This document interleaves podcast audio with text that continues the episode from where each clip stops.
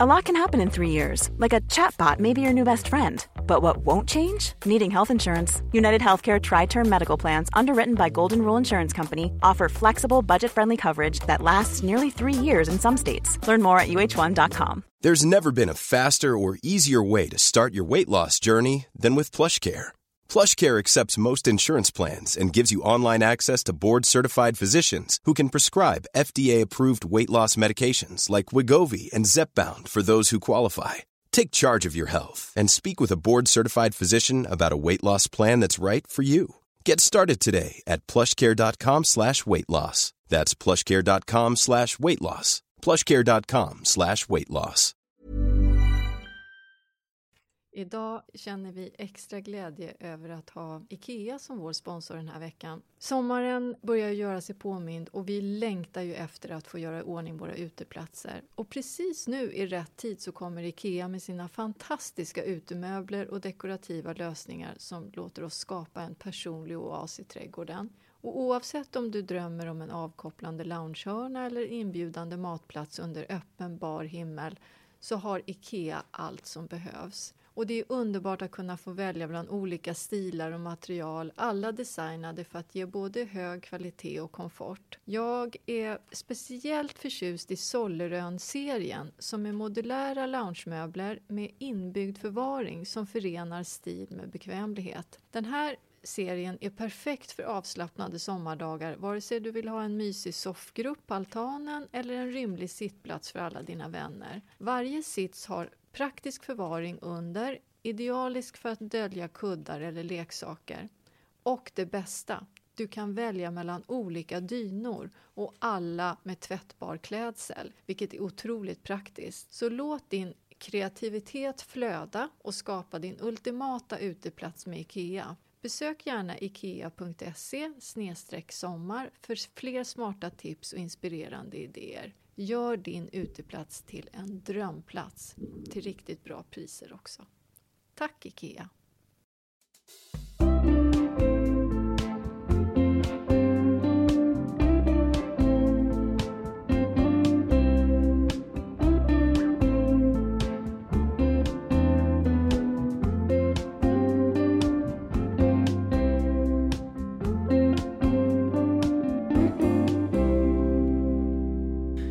Knäppte händerna, Jenny. Ja, du gjorde det. Var det för en, någon slags... För att komma in i ett mer andligt tillstånd? Ja, men jag tror det. Det, var, det kändes värdigt på något vis. Ja. Berätta, Usch, nu blev jag lite ledsen. på ja, det. kom liksom ihåg. jag ser det. Ja, nej men eh, vi spelade in den här podden eh, dagen efter att min svärmor Margareta Strömstedt lämnade oss. Och hon var gammal. Hon ville nog lämna, tror jag. Hon var 91 år gammal, nästan 92. Men det blir ju en sån stor saknad. Mm. Och det är ju konstigt med döden. Det är ju så väldigt ofattbart det där. Ena dagen så är det en fullt levande människa och sen andra dagen så att det är en sån tunn, skör passage där. Ja. Att en kropp som är varm och pulserande och sen så är det liksom bara ett skal kvar dagen efter. Ja. Det är märkligt och ibland så oförståeligt på mm. något vis. Att man inte liksom kan ta in och greppa. Sen är det ju så med människor, och eh, utan att värdera någonting sådär, men Mar Margareta var ju en, en, en fantastisk person på många sätt och vis. Hon var jag tycker Gunilla Brodrej skrev så fint i Expressen, eh, nu citerar jag henne här. Hon berättade något spännande om kvinnorna i min mammas generation. Något som många av dem aldrig kom sig för att berätta själva. De som såg oss och alltid var närvarande men som inte alltid blev sedda. Nu tror jag väl att Margareta i sig liksom blev sedd. Hon var författare och tv-producent och gjorde massa saker. Och, sådär. Men hon, hon såg också alltid alla. Hon, var, hon älskade ju barnen och, och, och såg vikten av att ge barnen eh, det de behövde för att bara för deras e-, egen skull såklart också, men för att bygga ett samhälle eh, så, som skulle vara mänskligt och humanistiskt. Att, och, och, att hon alltid såg människor i sin omgivning. Det, vilken gåva att ni har fått haft henne i er familj och, och barn och barnbarn, Ja, tänker jag. superlyxigt. Ja. Superlyxigt. Och hon är, var ju knäpp också. På vilket sätt då? Nej, men så där som man tycker om att det, liksom, det, det, det här med okonventionell och humoristisk och liksom o, väldigt orädd inför allt som var mänskligt. För allt som är mänskligt är inte heller särskilt snyggt alla gånger. Men det var inte hon rädd för utan hon liksom höll alltid dörren öppen. Så där. Sen hade hon en, en väldigt tydlig moralisk kompass. Hon var ju uppvuxen i frikyrkliga Småland, gubevars, men att det var ändå hon hade liksom alltid tron på människan i botten. Och det tycker jag att man ibland kan känna att man tappar bort idag. Att det liksom är så här, ja, nej, men det, där, de, det är för sent eller det där blir inget bättre. Eller, Men saker och ting går in så snabbt hela tiden att man inte stannar upp och reflekterar. Mm. Det tror jag att den äldre generationen har en större förmåga att göra än Mm. kanske vad vi har. Och så tänker jag mycket på det här med att man blir så, som människa eller ens, ens framgång eller, i, i livet. Och då pratar jag inte om att man ska vara, bli känd eller erkänd utan bara vad som definierar en som människa när man sen lämnar in. Det handlar ju om hur man har tagit hand om sina relationer. Visst. Det är ju verkligen det. Ja. Och hon tog hand om sina relationer. Jag såg henne ofta. Jag fascinerades tidigt när jag lärde känna när hon fortfarande liksom var i, i, i, karri, liksom karriären. Hon, hon gav ju ut en av sina sista böcker liksom, efter 80-årsdagen. Liksom. Det, att hon svarade väldigt nogsamt på alla brev som hon fick och gav råd och lyssnade och skämtade och var sträng ibland. Men hon var liksom alltid... Hon tog sig alltid Ja. tiden. Och, jag, jag, och så började jag tänka så här, gud gör man det eller inte? Ja, jag, jag, jag blev lite inspirerad liksom, när jag satt och tänkte på hennes eftermäle. Vilken förebild. Ja, och så kunde hon ju skriva på ett så väldigt exakt sätt och med väldig närvaro.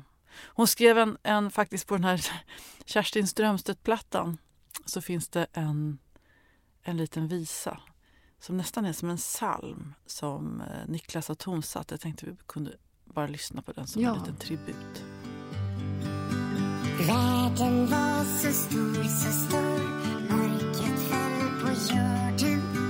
Jag var rädd en liten stund Ingen stjärna fanns. Inget ljus fanns någonstans På den mörka jorden. Jag var rädd men då var du Hos mig.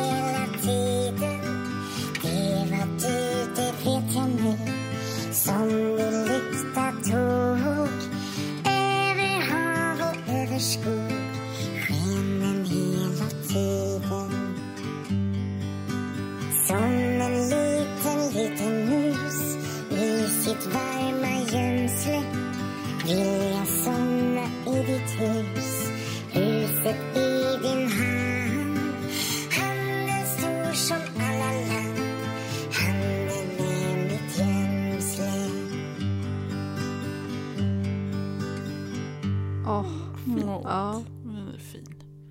verkligen Ja. fin.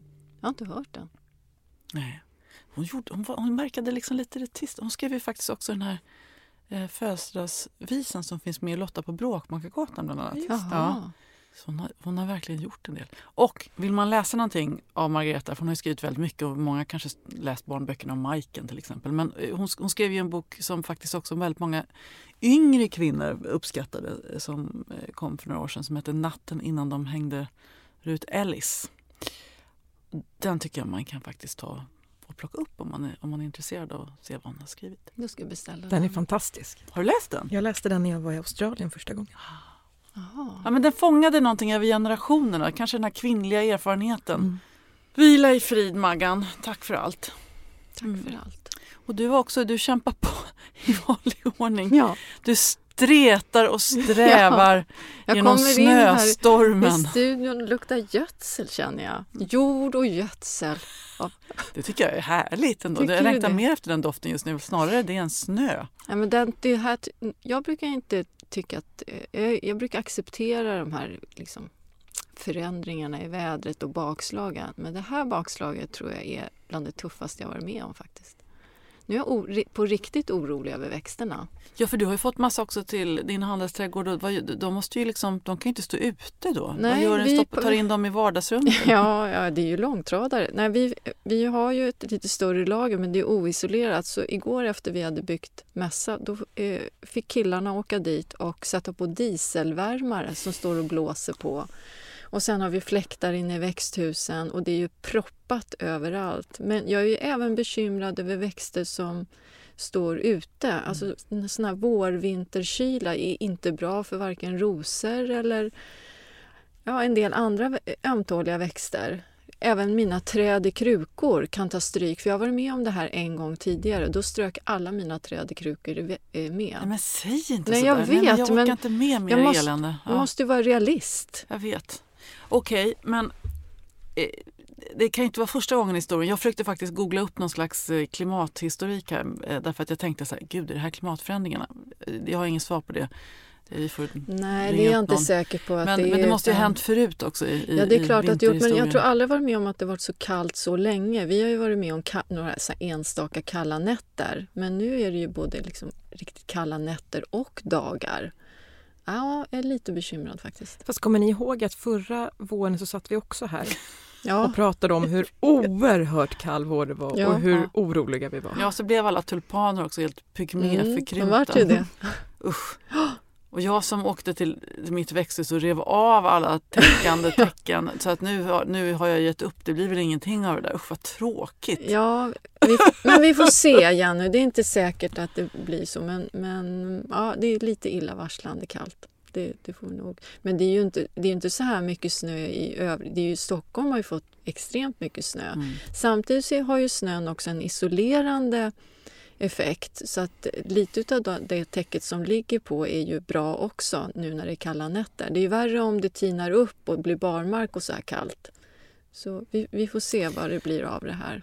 Jag fäster blicken mot en vårlik framtid och har istället eh, faktiskt satt gurk gurkfrön. Har jag gjort. Ja. Ja. Har du satt dem nu vågrätt? Jag gjorde faktiskt det. Ja. Jag tänkte, det här har de sagt i en podd. Har vi fått tips från våra lyssnare? Men jag får väldigt mycket gurkbilder skickade till mig och det tycker jag är så roligt när alla odlar där hemma och har lyssnat på vad vi har sagt. De har varit lydiga. Det är nu man är så här. Om ni alla tar fram en nylonstrumpbyxa och trär den över huvudet Just det. Och sen tar ni av er nakna på underkroppen och dansar en vild och galen dans. Nej, det ska vi inte. Nej. Då kommer fröna och gro direkt. Tror du att någon skulle göra så? Då? Det Nej, tror det- inte jag. nej, jag tror tror- inte den, vi har nog inte så mycket makt som vi skulle vilja tillskriva oss. Men, men idag, eh, jag håller ju på att bygga en stor monter på Trädgårdsmässan. Och där har jag gjort i ordning en liten berså till oss där vi ska sitta och signera böckerna nu i helgen. En bärså. En berså. Och då hade det kommit fram någon nisse idag till mina kollegor och sagt, tittat lite så här lystet. Är det här Jenny ska sitta imorgon? Oh no! Ja, Hur såg han ut? Vad ja var, det vet jag inte. var det en galning eller en Ja, snygg? det, det, det framgick inte riktigt. Det var bara att mina, mina kvinnliga kollegor där såg lite så här fundersamma ut. Ja, det kommer att komma Jaha. någon som väntar på dig kanske bara är tydligen. jättearg på mig och vill ge mig en utskällning för jag någonting inte. som jag har sagt eller gjort. Ja, ja, vi, vi, får, vi är beredda. Mm, vi är beredda. Ja, vi har fått lite återkoppling på sånt som vi har pratat om tidigare också. En väldigt rak, enkel faktafråga som handlar om krasse. Hur många liksom, frön ska man trycka ner i varje kruka? Och hon, det här är en, en brevskrivare som har två höga krukor, 30 cm i diameter. Då skulle jag sätta fem stycken. Och jag älskar tydliga, Ja, raka besked. Fem stycken! fem stycken skulle jag sätta Om den. man då vidgar krukans diameter till 50 cm skulle man kunna tänka sig att slänga i tre till? Ja, det skulle jag nog säga. Yes! Och jag föreslår att så direkt. Jag tycker nästan att det blir bättre resultat. Det är samma med solrosor. Håll inte på för att kultivera den typen av växter. Det går så snabbt. Och blir knubbigare planter tycker jag också om man sätter dem direkt lite längre fram. Det är för tidigt. Basilika.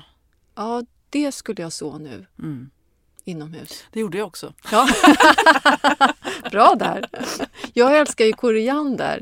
Jag tror Ja. att jag ska så det i krukor. Alltså det gick ju bra. Det sådde jag direkt förra året. Det gick som en dans. Utomhus? Ja, vid pallkragen. Det Ja, men jag vill tjoff, ha nu. Jag vill ha Du vill ha nu. nu? Du är otålig. Ja, jag är hungrig. Ja, du vill ha en, en liten svettig eh, socka. Ja, någonting sånt. Nu ska jag berätta hur oprofessionell jag är. Hur länge har jag jobbat som, som journalist? Ganska alltså länge. framför tv-kamerorna. Ja, jag, kan, jag blev programledare tror jag första gången jag var 26. Så att det är ungefär 24 år. Ja. Då lär man sig liksom ungefär vad, man kan, här, hur, vad, vad som känns bra, hur man laddar inför en sändning. Ett och så. pass. Ikväll ska jag dela ut massa pri, priser och leda en sån här årets eh, dagstidning, gala. Vad åt jag till lunch? Jo, Nej, nej. jag smällde till på en, en, rester. Jag gjorde nämligen världens godaste bönchili. Sådär ja. Så, så, som hade passat väldigt bra då med koriander. Nu hade jag inte det och så blev jag för snål för att köpa en hel kruka. Så att, men jag serverade den med en liten eh, med, med lite gräddfil och såna här jalapeno-peppar. Åh, vad Eh. Och sen så vad hade jag mer på? Jo, Lök. guacamole hade jag faktiskt också. Ja. Nej, vad skulle jag komma med det här? Jo, att min mage just nu när vi spelar in den här podden, för jag ska rusa hem sen och göra mig ordning och sticka iväg och dela ut det här priset. Den är, inte, det, den är liksom inte kompatibel med att dela, kanske inte ens en poddstudio med andra människor. Men vad är säger det ni? så illa? Nej, men Ja, nu har det lugnats lite, Det var det var- orutinerat. Ja, jag så du ska iväg nu med en Det är inget mullrande tajt för att få dra ikväll kan jag säga. Nej. Luftig klänning blir det. så du kan Så man kan knyta åt vid ut lite. Jag föreslår att du försöker bajsa innan. Nej, men, Gud, nu blev du lite väl explicit. Jag försökte ändå tala runt det här problemet som jag Nej, men liksom jag tycker om när vi pratar rakt. Vi fick även, en, precis innan jag kom in här så fick jag en dikt eh, skickad till mig som hon tycker att vi ska läsa upp i, i podden. Hej, vill dela med mig av min frustrerande vårväntansdikt till er fina podd. Hoppas att det är okej att jag skickar direkt. Till dig, allt gott till er och lycka till med boksläppet, hälsar Nina. Och då skriver hon så här. Våren, den både kom och den gick, vill vråla högt i en mick. Far åt helvete snö, värm upp min badsjö. Blomsterrabatt, gräsmatta och sinne, ja varenda träd och pinne. Varför tveka så? Visst, det tar tid att lära sig gå.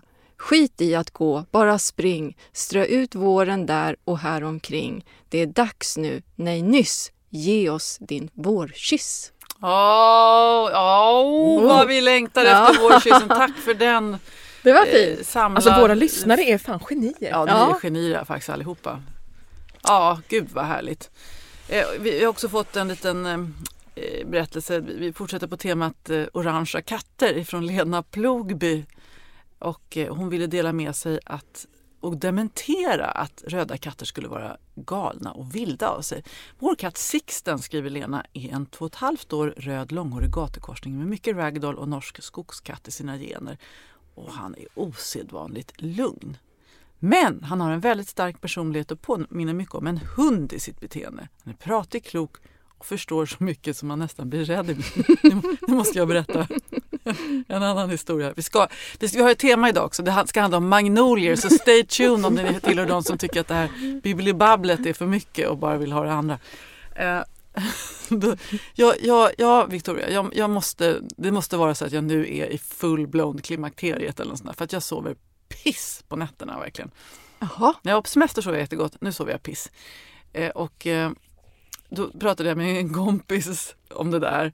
Och hon hade varit hos någon kinesisk akupunktör. Och så hade hon förhört sig om så här, hur hon sov på nätterna. Så där. Och Ja, då, då hade min kompis berättat att jag har en katt som, som väcker mig för hon ska går in och ut och vill bli utsläppt och insläppt så där, varannan timme ungefär. Vilket jag i och för sig tycker verkar också på att du går du upp och liksom släpper ut katten, är du galen? Men det, hon hade inte reflekterat över att det var konstigt i hennes liv. nej. Men, men den här kinesiska akupunktören bara, va? Nej, du måste, nej, sex timmar måste du få till så. Du måste säga till katten. Bara, men, ja, jo då, men det är ju en katt. ja, nej, vadå? Det är väl bara att säga till den. Så här. nej, men, vad, nej, men alltså en katt, vi pratar olika språk. Nej, nej, men den förstår. Du måste bara vara väldigt tydlig. ja, det är klart den förstår vad du säger. Ja, så då hade hon gått hem så här och stirrat på sin katt och sagt nu går vi och lägger oss och du ska inte, du ska sova hela natten. Då hade katten gjort det. Nej. Ja, då sa han så här, Jaha, vadå, vad menar du med det där? Ska, tycker, är det liksom, ska jag, katten, det är också katten väcker mig. Hon Ja. är asjobbig hon som börjar prata. Och, det är inte- Mm. Hon väcker inte Niklas, som väcker mig. Ja, Som jag är mycket mer svag och följsam. du har modern i dig. Så jag bara, okej, det ska jag pröva. Så jag ställer mig i rummet och bara, Eva Charlotte. Och så hör jag Niklas som har fått den här historien han bara, Du måste låta arg, skarpare. Jag bara, men gud. Nu går vi och lägger oss och sover hela natten. Och Och tjenare! Det var ju sån vad jävla värre än någonsin. tango liksom klockan fyra på morgonen på mig. Det var verkligen inte bra. Men Hon fattade inte det där. nej, jag kanske inte pratar katska lika bra som min kompis gjorde. Mm. Eller akupunktören för den delen. Men eh, jag vet inte om det är någon som vill dela med sig av, av om ni har liksom löst det här på något bra sätt så får ni gärna höra av er. Du kanske måste vara tydlig, alltså ännu tydligare, eller upprepa. Ta det igen Jenny ikväll. Va? Och stirra på henne. Bara stirra på mig så här. bara, Jeez, hon har blivit helt galen den här tanten. Du, hur går det med, med, med graviditeten? Ja, eh, Folke Konrad. Ja, hur går det? Nej, men vi, nu, vi, vi måste kanske åka och hälsa på Folke Konrad snart här. Alltså, vi fick ju bilder på Folke Konrad. Ni såg. såg dem. Eh, Ska vi, ska vi säga också öppet vem Folke Konrad är mest lik? Yoda, 800 år gammal. Ja, alltså på riktigt. Det är Ja, en jag, kopia. jag fast, såg det. Fast ljusorange. Men så gullig. Ja, men shit, alltså. Oj, oj, oj. Du erbjuder dig till och med att ta Ja, om inte du tar Folke Konrad, då tar jag Folke Konrad. Då har jag tre herrar i huset. Men du vet också att om ni åker och hälsar på Folke Konrad så kommer ni inte kunna låta bli. Nej, men så är det ju. Jättebra. Och för er som tycker att namnet Folke Konrad är konstigt så ska jag säga att jag träffade en studiokaro som jobbar som studioman på Nyhetsmorgon. Hon bara, va, vad sa du? Folke Konrad? Min hund heter Folke Dennis. Nej, Det var ju ännu Folke den var helt... Har Carro en hund som heter Folke Dennis? Ett dubbelnamn som inte ens rimmar. Taget från vad, undrar man ju. Nej, men det var någon lång historia med det ena och det andra men det blev det. Ja, men alla ja, Ja, ja. uppstår i, liksom, i historien. Eva-Charlotte är också lite annorlunda. There's never been a faster or easier way to start your weight loss journey than with PlushCare. PlushCare accepts most insurance plans and gives you online access to board-certified physicians who can prescribe FDA-approved weight loss medications like Wigovi and Zepbound for those who qualify. Take charge of your health and speak with a board-certified physician about a weight loss plan that's right for you. Get started today at plushcare.com slash weight loss. That's plushcare.com slash weight loss. plushcare.com slash weight loss. One size fits all seemed like a good idea for clothes Nice dress. Uh, it's a it's a t-shirt. until you tried it on. Same goes for your healthcare. That's why United Healthcare offers a variety of flexible, budget friendly coverage for medical, vision, dental, and more. So, whether you're between jobs, coming off a parent's plan, or even missed open enrollment, you can find the plan that fits you best. Find out more about United Healthcare coverage at uh1.com. That's uh1.com.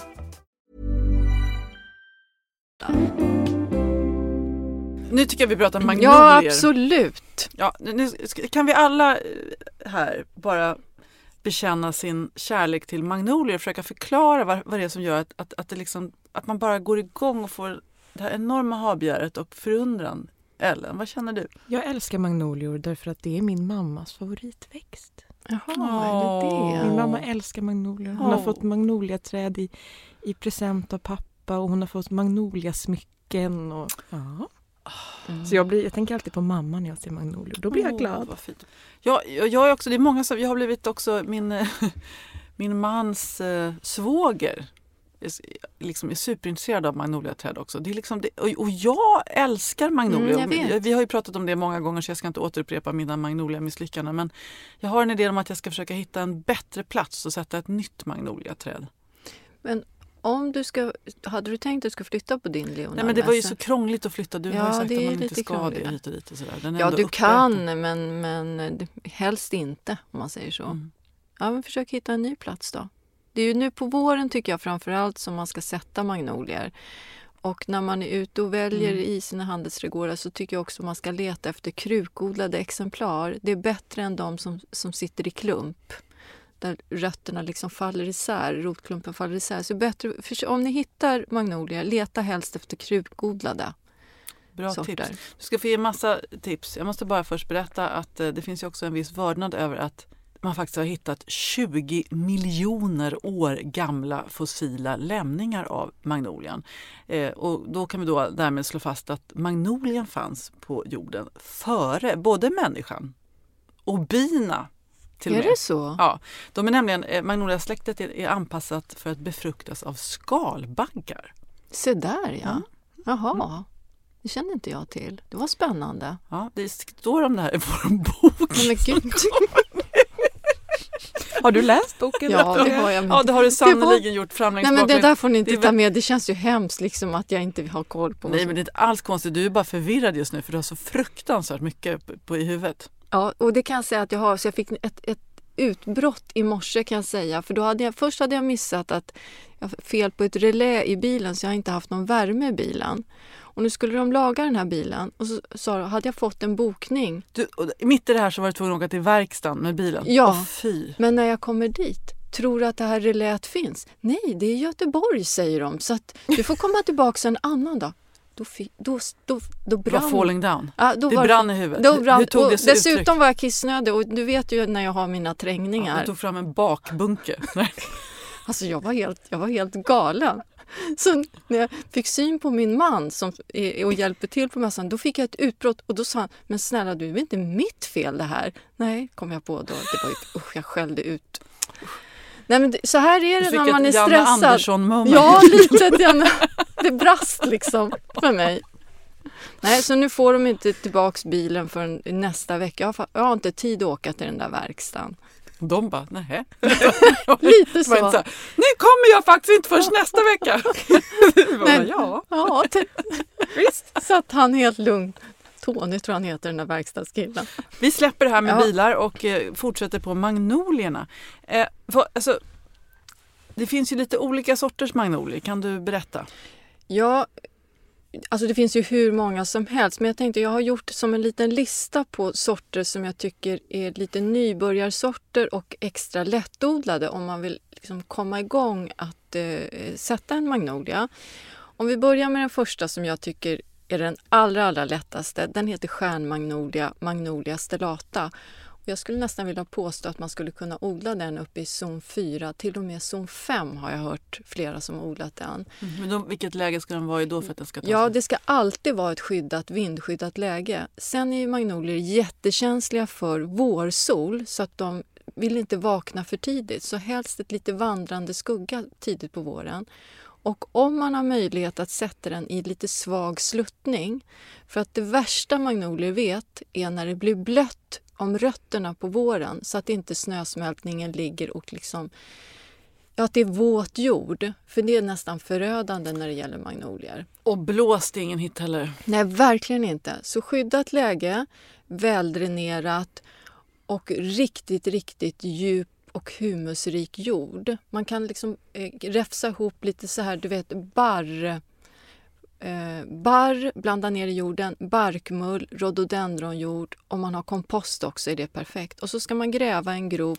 En jättestor, här vill jag verkligen då eh, flika in, en jätte, jätte, jätte, Ja. jättestor grop alltså. Ja, så stor man Som man orkar ska nästan. undvika att trilla ner i själv. Ja, ja, men lite så. Och sen när man sticker ner handen i den här gropen där man har liksom jordförbättrat, då ska det kännas som att man har stuckit ner handen i havregrynsgröt.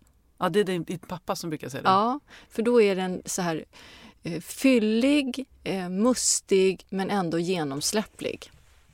Där har du det. Där har du den bästa magnoliajorden. Och sen om den då sitter där, hur, man ska inte beskära magnolian sen heller. Man- Den behöver inte så Nej. mycket näring till att börja, alls till att börja med heller. Nej, det skulle jag säga. Och jag, egentligen tycker jag inte man brukar behöva beskära magnolier överhuvudtaget om det inte är något som har frusit eller går av. Utan den ska ju vara friväxande. Men behöver man beskära den så skulle jag nog göra det under, under jasperioden. Juli, augusti, september. Och hur länge ska man gå där, gå där och slå lovar och tänka att det händer ju ingenting innan man faktiskt kan förvänta sig att den växer till sig? Ja, jag skulle nästan... Man kan ju köpa äldre exemplar också men köper man ett relativt, en relativt ung planta då får man nog räkna med fyra år i alla fall. Jag, jag tyckte att min magnolia, jag har en sån här Lionel, eh, Leonard Messel. Leonard Messel. Mm. Den jag är jag tänker alltid så här, Lionel Messi, tänker Ja. jag inte. Sen så, fast det, är inte det utan det är något annat och sen så går jag vilse. Jo, eh, men den, den blev ju då halvt uppäten av eh, rådjur, eller blir Ja. det med jämna mellanrum. Så den, den kämpar på. Ja. Hur ska man undvika det? Jo, ehm, dels kan man ju sätta nät runt stammen. Sen kan man ju använda Tricogarden, spraya med det också. Det är ju vårt favorit, men jag skulle nästan säga att man ska sätta upp nät därför att magnolians bark innehåller eh, liksom speciella aromämnen som luktar gott och de verkar lite upphetsande för råbocken. Nej. Jo, så råbocken dras gärna till en nyplanterad magnolia. Så det kan vara bra Oh. att tänka på. Han kanske vill göra något särskilt med magnolia. Den gnuggar sig ju Ja. och förstör barken. Så att det är jätteviktigt om man har djur eh, i sin trädgård som passerar att man skyddar magnolian. För det är ju en relativt dyr växt skulle jag säga som man då har planterat som man ska vara extra rädd om. Eller ska man väl vara om alla växter egentligen men, men just magno, nyplanterade magnolier kan vara attraktiva för, för, för råbocken. ja, jag förstår. Ska vi nästan. nämna några sorter till som jag tycker är riktigt bra? Vi kan ju lägga det som en lista sen på, på Facebook. Först var det då stjärnmagnolian Magnolia stellata. Sen finns det en sort som heter Magnolia Merrill och den tycker jag är otroligt fin och det ser ut, om man står lite på håll när den blommar så ser det ut som vita fladdrande fjärilar. Och den är hyfsat härdig också, som fyra. Och den växer relativt snabbt om man jämför med andra sorter. Så den tycker jag är en sån här nybörjar, lätt, lättodlad sort. Okej, om det är nu någon som anser sig ha det ypper, ett ypperligt läge för en praktmagnolia sådär och vill ha en riktigt skrytig sort, vilken kan man tänka sig då? Ja, det beror lite grann på var man bor. Men jag tycker alla de här, den som heter Solangiana, den som man ofta ser i Skåne som blommar som, det ser ut som stora tulpaner som blommar. Det, jag har ju satt en sån. Den verkar faktiskt som den klarar sig för jag har satt den i lite svag sluttning för jag, jag har tagit livet utav några innan. Jag säger det lite tyst nu. Det har du aldrig sagt till mig. Har jag inte det? Nej. Nej, men jag har gett mig på den här för jag, när man ser bilder från Skåne när magnolierna blommar, då är jag helt salig och då, då ger jag mig inte. Men nu, för tre år sedan satte jag en Solangiana och den har klarat sig. Men däremot så har det inte kommit några knoppar. Men nu är den inne på sitt fjärde år. Så nu kanske. För jag tycker att jag ser att ehm, det är lite svällande knoppar. Wow. Jag hoppas att det inte är blad utan att det är blomknoppar. Vad spännande. Ja. Har du varit i liksom Magnoliaskogen i, där i Alnarp? Men jag har inte det. Jag, jag säger ju det igen. Jag har varit så dålig på att resa. Jag har bara sett bilder. Ja, hur bra, och vi har ju sagt att vi ska bli också bra på att resa. Ja, det är hur går roligt det att vi säger du? det i alla fall. Ja, Det är mycket snack och oerhört lite verkstad. ja, det får man faktiskt slå sig. Det Det är riktigt dåligt utav oss, Jenny. Vi som har en trädgårdspodd skulle ju verkligen kunna ge oss ut och Ja. podda i... i Våra det- stackars lyssnare som hela tiden tror att vi ska det och sen så kommer vi aldrig iväg. Nej, två år har vi hållit på här och sagt samma sak. Nej, men vad säger du? Ja, ja, ja! När ska vi slå till? När jag kommer hälsa på dig på Öland i sommar så kan vi väl besöka några trädgårdar. Mm, det skulle du kunna göra. Mm. I alla fall Soliden. Soliden är fint. Jag ringer kronprinsessan. Ja, men gör det. För ni är väl kompisar sen förr? Eller hur? En, en myt är ju också när det gäller magnolier är att vintern tar koll på dem. Och då skulle jag säga att det är det nog egentligen inte utan det är snarare vårvintern som tar koll på dem. Och om det har varit en fuktig, eh, lite kall sommar så är också ma- magnolian lite försvagad. Magnolier önskar sig varma somrar och varma höstar för att bli, eh, bilda riktigt fina knoppar och växa till sig ordentligt. Kan- Förresten, kan man ha magnolia i en kruka på balkongen om man har ett stort kärl? Jag har fått den frågan flera gånger. Mm, nej, men jag säger nej på den. Jag tycker inte magnolia mår bra i kruka. Nej, Ja, där tack för blev det tydligheten. nej. Ja, Krassefrön, magnolier i kruka. Eh, tydliga besked. ja. om man nu inte kan ha en egen magnolia så är det fritt fram att stå och stirra in i andras trädgårdar när magnolierna blommar. Eller hur? Har man en, en, en blommande praktmagnolia som sådär, precis som du säger, det är, liksom, det är, det är ju nästan det är något djupt urmänskligt. Jag tror verkligen på det här. Det är liksom, man, man är tillbaka i dinosaurietiden Mm. och det kanske man också är rent åldersmässigt. Ja. Då får man stå där och glo Absolut, och njuta. det är klart. Det är ju jättehärligt ibland att hänga över någon annans staket och titta. Jag bor ju lite i, i förorten i ett villaområde. Och då kan jag gå ut, det brukar jag göra på vårkvällar, och bara gå och titta jätte, jättemycket in på alla som bor runt om i Bromma. Men då tittar du inte bara på trädgården utan där, ja, där jag undrar vad de Nej, pysslar- trädgården. Det är bara trädgården. Titta på trädgården. jag, så njuter jag jättemycket och sen går jag hem till min lägenhet. Mm, fint. Vad Fint. Är det någonting du vill tillägga angående magnolierna, Victoria? Eh, nej, det, Eh, det tror jag inte. Jag tror att vi har sagt allting i alla fall. Eh, ja, vi, vi säger väl så. Nu går vi vidare till frågor i största allmänhet. De är vi så glada över att ni fortsätter mejla in på rodavitarosenpodden gmail.com eller ännu bättre ställa också på vår Facebook-sida. Då kan ni ju dessutom hjälpa till att svara på varandras frågor om inte vi riktigt är där. För någon månad sedan köpte jag en jordviva i kruka, alltså en primula. Den var ny för mig men kändes som en vårig färgklick. Nu har den stått på min inglasade balkong genom köldknäppar, snöstormar och soliga vårdagar och verkar trivas där oavsett vädrets nycker. Jag börjar fundera på om en sån här växt kan fungera även i verkligheten, det vill säga en rabatt på landet. Tänk om en sån här pigg blomma kunde titta upp tidigt på vårkanten. Kan jag plantera ut den i sommar och hoppas på blommor nästa vår?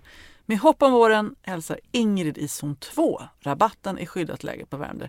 Ja! Ingrid! Ja, säger vi. Det går utmärkt. De är ju superlätta. Och eh, det är klart den kommer börja blomma senare nästa år, kanske i slutet på april där någonstans. Och blanda gärna med andra sorters vivor också. Jag älskar primula. Ja, de är ju släkt med gullvivorna Ja, bollvivor, om ni hittar det så tycker jag också att de är jättefina. De sprider sig lite också. Kanske inte som ett ogräs, men kan, om man har till exempel har ett stenparti som man vill fylla ut lite, sätt bollvivor. De är fantastiskt fina. Vad fint. Ja. Eh, Annette skriver Lyssnade på er podd där Victoria berättade om vilken blomma hon hade i fönstret på sommaren. Denna blomma lät hon sedan gå i vinterdvala, precis som pelargonerna. Jag tror det var en klöver och möjligen en röd klöver. Min fråga är vilken blomma det var och gärna också vilket avsnitt det var hon berättade hur hon gjorde med denna. Ja, det kommer vi inte ihåg tyvärr, vad det är för avsnitt. Nej, där är det för rörigt. Inte ens jag kan hjälpa till där. Nej. vi har ju pratat om oxalis lite titt som tätt. Ja, Den är också väldigt lättodlad vilket betyder att det är en av mina favoriter. Ja, nej, men jag älskar oxalis och det finns ju så många fina sorter. Och det som är bra med en sån här oxalis det är att den tål ju en hel del kyla. För jag brukar ju stänga av nästan värmen helt och hållet i huset på Öland. Men varje år när jag kommer tillbaks, nog 17 är det små oxalisblad i krukorna. Varannat år ungefär planterar jag om de här knölarna. Har du någon som vattnar då eller? Nej, de Det är så helt... Nej, vet du, det är helt... nej, nej, nej. Det är helt kruttorrt i krukorna. Och de klarar sig ändå, de här knölarna. Det ser ut nästan som, som små jordärtskockor, de här rhizomerna. Och eh, den som jag har i är ju den här rödbladiga som heter Triangel oxalis. Men nu börjar det komma ut i handeln flera andra sorter. Och häromdagen så hittade jag en sort som heter Oxalis vulcanicola gold. Ja, Låter som en läskedryck. Ja, nej, men den är så fin. Den är lite bärnstensfärgad och sen har den gula blommor. Och den blommar ju hela sommaren. Och den här tänker jag att jag ska ha i en stor, stor skål på, på terrassen i lite halvskuggigt läge. Det var inte Riktigt- Crazy Plum, vad sa du att den Nej, hette? in, men den är också jättefin. Ja. Bra att du sa den. Crazy Plum är också jättefin. Den här heter eh, Oxalis vulcanicola Gold. Den är jätte, jättefin. Och i avdelningen eh, vi försöker vänja oss vid gult i rabatten, eller i krukorna så tycker jag Oxalis spiralis också är fin. Den är lite mindre. Ja, alla klöverblad. Oxalis Lite mer som en, som en vanlig liksom gräsmatteklöver och så är det så gula blommor. Ja, Den jättefint. är jättefin. Det Det som jag kruka. vet är också att kockarna använder ofta de här bladen och dekorerar sina maträtter med. Så det kan man också tänka på om man har en oxalis. De är faktiskt väldigt fina att dekorera med. Jag älskar min Oxalis och så blommar med nästan Linnéartade blommor som sticker upp. Jag hoppas att fler eh, väljer att, att införskaffa sig Oxalis. De är jättelätta att dela på också, knölarna. Det är bara att dra isär och sen De är placera så ut. snälla, man liksom överlever vilken Ja. misshandel som helst. Vilket inte är snällt inser jag nu. Det är, någon slags, det är fruktansvärt egentligen. Usch. Nej, mycket trevlig Ja. växt och lättodlad. Mer Oxalis till folket. Nästa fråga kommer från Mikaela i zon 1, Lillåt henne. Där har de inte ens snö nu. Eh, jag vill bara inleda att jag slaviskt följt er podd sedan dag ett. Och hon längtar till fredagar, vad roligt! Men jag vet att Victoria gillar blyblomma och tänkte därför be om ett tips. Tog ner min nu från vinden där den stått frostfritt, svalt och lite ljust.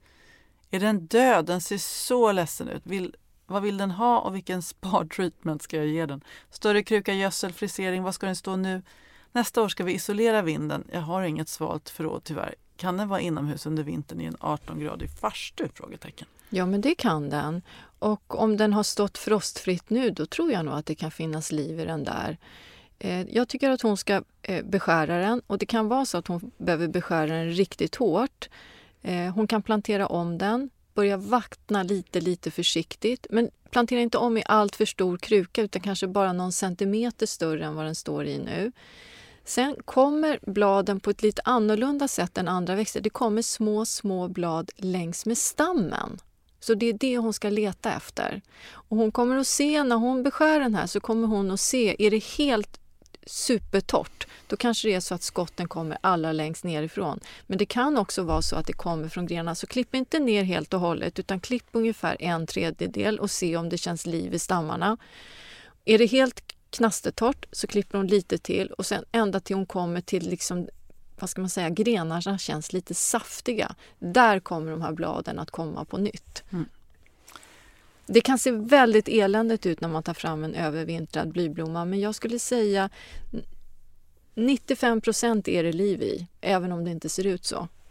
Jag har en till fråga eh, som, eh, som, som inte jag har ställt, men det skulle kunna vara jag. Hej! Jag planterade en trädpion i ett ekfat förra sommaren som jag vinterförvarat frostfritt i vårt uteförråd med ljusinsläpp.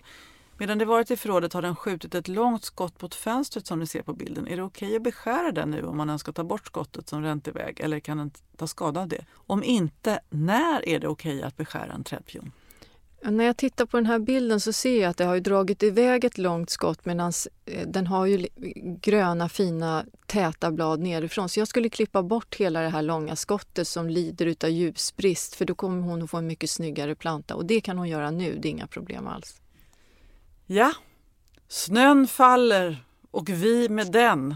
Eh, Och även mitt sinne. Ja, jag vet. Men, men om vi låtsas som att det inte snöade riktigt sådär mycket. Det kanske Nej, blir det- töväder här. Jag skulle nästan säga att det, att det är lite startskott att eh, så luktärtor. I alla fall i södra och mellersta Är Sverige. det sant? Du drar bort liksom Jag- startlinan Ja, där och vi, det. får, det, st- vi som står och väntar och frustar kan liksom komma iväg nu. Det kan man göra. Man kan också så direkt. Det går alldeles utmärkt. Det kan du berätta Jenny att du gjorde förra året Ja. och du tyckte att det blev riktigt bra. Ja, fast inte lika bra. Faktiskt. Inte lika bra, nej. Hur som helst så är det i alla fall dags. Och det som jag ser är att väldigt många har sått redan och de skickar bilder på långa gängliga plantor. Och det skulle jag säga, och då frågar de, ska de vara så här klena och smala och höga? Och det beror på att man har sått för tidigt. Sen ser jag också att väldigt många sår i små, små potter. Alltså de är bara ett par centimeter höga. Det är alldeles för grunt. Ta en, en kruka som är ungefär 15 centimeter hög 12 centimeter i diameter, någonting sånt. En plastkruka, ungefär en sån som kommer med pelargonerna, Mm. om, om jag tar ett, ett mått. Sen packar ni den jorden hårt i krukan, vattnar igenom och sen trycker ni ner fröna och ställer eh, i en öppen plastpåse. Jag gör inte det i början, men man kan göra det i början om man vill det. Sen ställer man dem ljust. När man ser att de första eh, bladen börjar komma upp, då ska de ut i kylan. Det är då man får riktigt knubbiga fina planter. Även, inte, även om det är minusgrader, Victoria, det kan du inte säga. Jo, de tål minus fem grader, kan till och med tåla mer. Och blir det riktigt kallt då får man lyfta in dem om det blir kallare så. Och det gör ingenting att inte alla frön har grott, för de kommer att komma igen sen. Så alla frön kan man inte räkna med att de gror samtidigt. Det är inte som en klocka som är inställd på fröna. För det brukar jag få också Nu jättemycket. låter du lite arg. Ja, men det är för att jag får så många såna här meddelanden. Varför? Det är, de här fröna har inte grott. Nej, men alla gror inte samtidigt. Det är, det är, precis, det är ungefär som att vi, man säger så här, du ska föda vecka 40. Alla föder inte på det datumet som man har fått utsatt. Växternas rätt i samhället, VRIS, Ja. har, kommer sammanfatta en liten pamflett om Ja. deras rätt att gro när de vill. Mm. Och vattna inte för mycket heller när de har grott. För står de varmt med för lite ljus eh, och man vattnar på, då får man såna här långa, gängliga, lite, nästan lite klena plantor. Vad bra! Tack för att du är så tydlig idag. Också. Vad jag för? Nej, mycket bra. Det är mycket bra. underbart. Det är Fanns det underbart. en aggressiv underton tycker du? Ja, för jag lite. tycker att du backade undan Ja, lite. jag, jag, jag ligger på golvet här nu och flämtandas och undrar om jag ska gå och hämta kaffe och Ja. massera dina fötter. Handlar det här egentligen om din verkstadsmorgon? Kanske lite. Ja. Du tar ut det på mig och Jenny också. ja. Och lyssnarna. Nej, nej, nej men hörni, nu ska vi inte vara såna. Nej. Nej, jag, jag vill bara säga det för att jag, jag ska intervjua Marie-Louise Ekman på lördag. Och har hon är min favorit. Och då har jag gått igenom massa gamla intervjuer med henne och det fantastiska med henne är att hon inte ber om ursäkt för någonting och hon är ganska kompromisslös och kompromisslösa människor kan ju vara ganska ansträngande ibland men jag, jag, vi måste kunna liksom vara lite bråkigare Ja. utan att det, det är så stor sak. Ett, ett rejäl, lite bråkighet friskar upp. Det, ja. Ja, sen får man, måste man vara beredd att liksom, eh, Ta det. ta, ta, ta det Ta och ta hem det och, och också liksom byta fot ibland och be om ursäkt ibland och så vidare. Men lite brå, ett härligt mustigt litet gnabb. Va? Sådär. Det är inte? Ja. Är det obehagligt tycker Jag är du? jättekonflikträdd. Är det? Är du? Det är inte jag.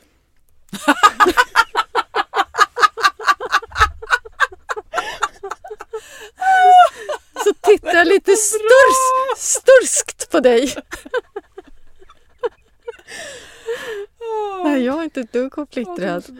Det kanske har med att göra att man har varit chef i så många år. Det går inte att vara konflikträdd då. Nej väl... men vet du vad, livet blir mycket enklare. Dels som man, när man, att man, man kan tillåta sig, vad känner jag nu? Jo men jag blev jättebesviken eller arg eller ledsen och så tar man det med den andra personen. Och också när man är så här, ja man, man känner också, ja jag har gjort bort mig. Det är helt rimligt att jag går dit och säger så vet du vad, det här hände. Det var mitt fel, det var jättedumt.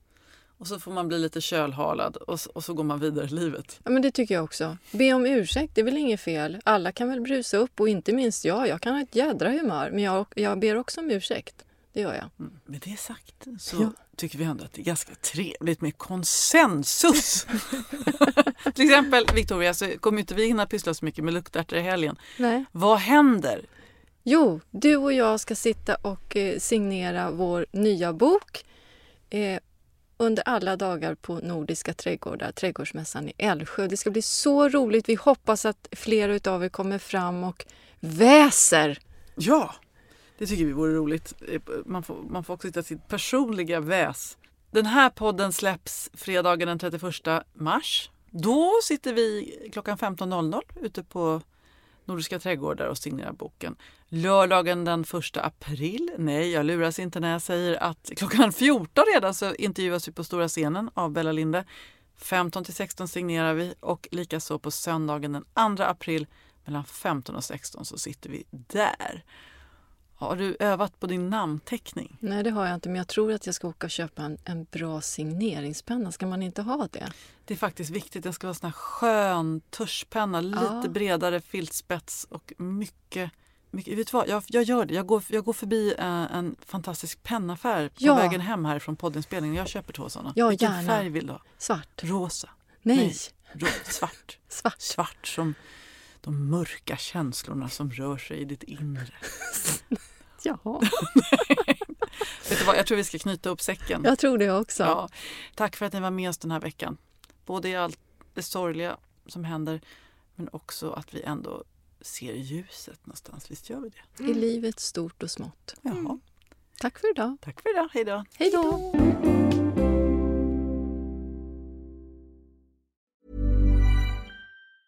Even when we're on a budget, we still deserve nice things. Quince is a place to scoop up stunning high-end goods for 50 to 80% less than similar brands. They have buttery soft cashmere sweaters starting at $50, luxurious Italian leather bags, and so much more. Plus, Quince only works with factories that use safe, ethical, and responsible manufacturing. Get the high-end goods you'll love without the high price tag with Quince. Go to quince.com slash style for free shipping and 365-day returns. Mom deserves the best, and there's no better place to shop for Mother's Day than Whole Foods Market. They're your destination for unbeatable savings, from premium gifts to show-stopping flowers and irresistible desserts. Start by saving 33% with Prime on all body care and candles. Then get a 15-stem bunch of tulips for just $9.99 each with Prime. Round out Mom's menu with festive rosé, irresistible berry chantilly cake, and more special treats. Come celebrate Mother's Day at Whole Foods Market.